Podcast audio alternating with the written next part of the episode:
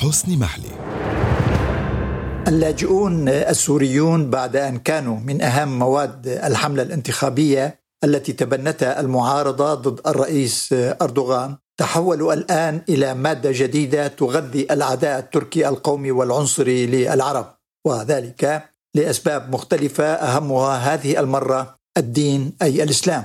فالأخبار الصحفية تتحدث يوميا عن جرائم مختلفة يرتكبها اللاجئون ضد الأتراك والعكس صحيح. في الوقت الذي لا يفرق فيه أغلبية الأتراك بين اللاجئ السوري والافغاني والأفريقي فهم جميعا بالنسبة لهم سوريون وعرب وبالتالي مسلمون. تختلف عاداتهم وتقاليدهم وأنماط معيشتهم عن غالبية الشعب التركي بما فيهم الإسلاميين منهم بما فيهم أيضا أتباع وأنصار الرئيس أردوغان. والذي يدافع عن اللاجئين تارة من منطلقات الأخوة الدينية وتارة أخرى في إطار الحسابات التركية الخاصة بسوريا حيث يرفض أردوغان باستمرار مطالب الرئيس الأسد وأهمها الانسحاب من المناطق التي تسيطر عليها تركيا في الشمال السوري. في الوقت الذي لم يخفي فيه وزير الدفاع السابق خلوصي أكار اهتمام أنقرة ليس فقط بالسوريين في تركيا وعددهم حوالي 3 مليون و500 ألف بل أيضا بحوالي 5 مليون سوري يعيشون في المناطق التي تسيطر عليها القوات التركية شمال سوريا وهي حوالي 9% من مساحة سوريا الإجمالية. ويرى الإعلام الموالي لأردوغان في هؤلاء السوريين حاضنة شعبية لمشاريع ومخططات الرئيس أردوغان في سوريا والمنطقة عموما. ويريد أردوغان لهذه الحاضنة الشعبية أن تروج له ولأفكاره العقائدية التي قال عنها مع بدايات ما يسمى بالربيع العربي أنها امتداد للخلافة والسلطنة العثمانية التي حكمت العرب 400 سنة.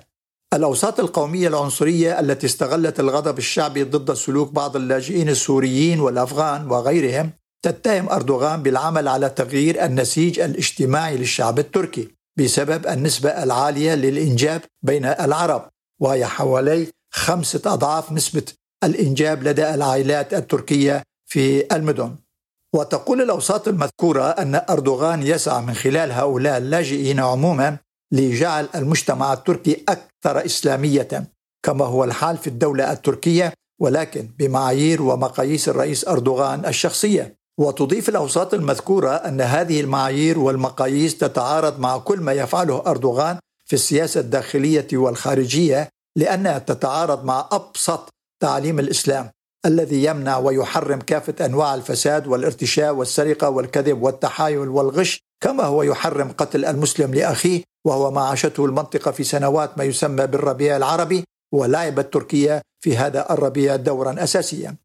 الأوساط التركية القومية والعنصرية منها بشكل خاص لا تكتفي بالعداء العنصري للعرب بل تتجاوز ذلك لتحملهم مسؤولية أسلمة الأتراك قبل حوالي ألف عام.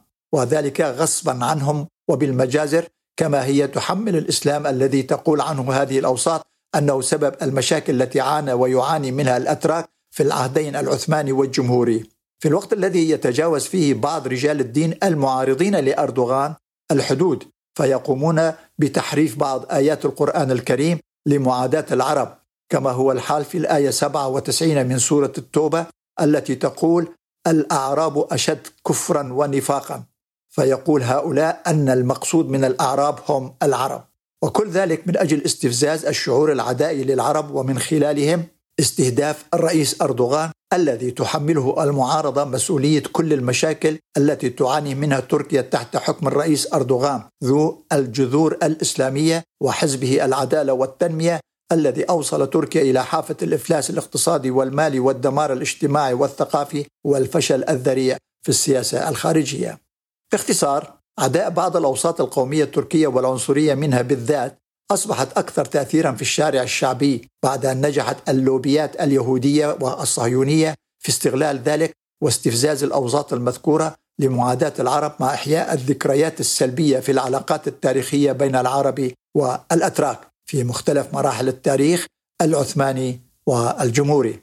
حيث كان العرب دائما في الخندق المعادي للأتراك ليس فقط سياسيا بل اجتماعيا أيضا وعلى الرغم من أن اللغة العثمانية كانت خليطا من العربية والفارسية وأحرفها عربية كانت تكتب بشكل غريب. ونجح مصطفى كمال أتاتورك بالتخلص من ذلك بفرض الأحرف اللاتينية البسيطة على الشعب التركي بعد أربع سنوات من قيام الجمهورية في أكتوبر تشرين الأول 1923 وبعد أن ألغى أتاتورك السلطنة عام 1922 والخلافة عام 1924 في الوقت الذي كان فيه حوالي 95% من الشعب التركي أميون لا يعرفون القراءة والكتابة.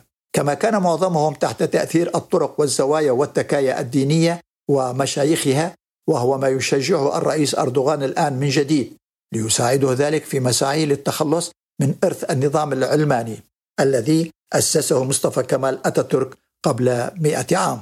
قال أتاتورك آنذاك أن طريق تركيا الجديدة سيكون باتجاه الغرب الحضاري بعيدا عن الجغرافيا العربية مؤكدا على ضرورة عدم التدخل في الخلافات العربية العربية وقال عنها أتاتورك أنها سبب تخلف العرب. وهو ما يتحدث عنه العلمانيون أيضا وهم يحملون المشايخ بصفصصاتهم مسؤولية الواقع الاجتماعي والثقافي والأخلاقي والديني السيء الذي يعيشه غالبية الشعب التركي وبات معظمه الآن يعادي العرب ولكل أسبابه في ذلك.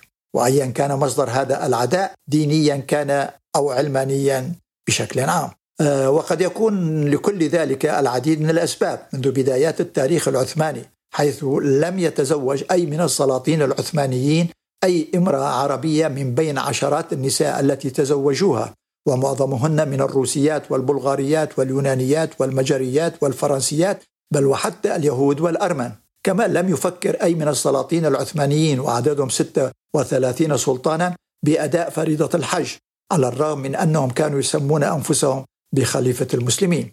وعودة إلى قضية اللاجئين السوريين وغيرهم من العرب ويقال أن عددهم حوالي 7 مليون يضاف إليهم عدد مماثل من اللاجئين والوافدين والمقيمين من غير العرب وفي مقدمتهم الأفغان والأفارقة. فقد بات واضحا أن المشكلة تحولت إلى قضية استراتيجية بالنسبة للدولة التركية ومعارضي اللاجئين خاصة.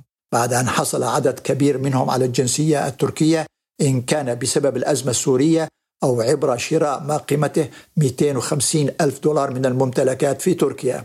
كما منحت الحكومة الكثير من الإسلاميين من مختلف الدول العربية وخاصة مصر وسوريا وفلسطين وتونس الجنسية بسبب خدماتهم المميزة للدولة التركية والمقصود بذلك هنا الترويج لشخص الرئيس أردوغان وعقيدته وسياساته الداخلية والخارجية. وهم ما زالوا كذلك على الرغم من تناقضات الرئيس أردوغان في سياساته الخارجية حيث هدد وتوعد زعماء مصر والسعودية والإمارات وهي الدول العربية ثم عاد وتوسل إليهم كي يصالحونه كما هو يتوسل إليهم ليساعدونه في تجاوز الأزمة الاقتصادية والمالية الخطيرة. ويعرف الجميع أنه لا حل لها إلا بدولارات أنظمة الخليج العربية. وهذا ما يزعج أوساط المعارضة التي تزيد من عدائها للعرب طالما أن هذه الأنظمة العربية تقف إلى جانب أردوغان. وحتى إن كان ذلك مقابل مرافق ومؤسسات الدولة التركية التي سيقرر أردوغان خصخصتها قريبا بما فيها الموانئ وشركات الطيران والسدود والمصانع الحربية ومؤسسة النفط وغيرها.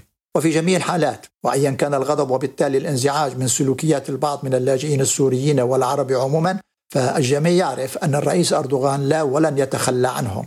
طالما هم ورقة مهمة في مساوماته الإقليمية والدولية مع جميع الأطراف التي تعي بدورها جيدا أن أردوغان وعلى الرغم من جميع تناقضاته ومشاكله الداخلية والخارجية فما زال العنصر الأكثر تأثيرا في تطورات المنطقة.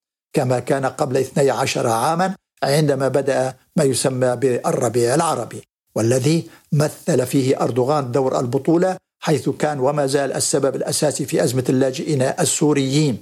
ولاحقا اللاجئين عموما بعد أن فتح أبواب تركيا على مصراعيها لكل من بايعه بصفته زعيم الإسلام والمسلمين ووريث الإمبراطورية العثمانية بسلاطينها وخلفائها.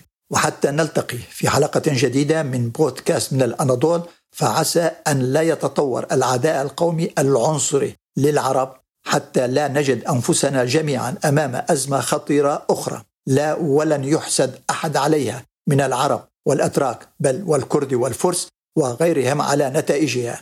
وسيكون المستفيد منها دائما هو الدول والقوى الاستعمارية والإمبريالية والصهيونية وهي جميعا أساسا سبب كل مشاكل المنطقة منذ أكثر من مئة عام وما زالت كذلك.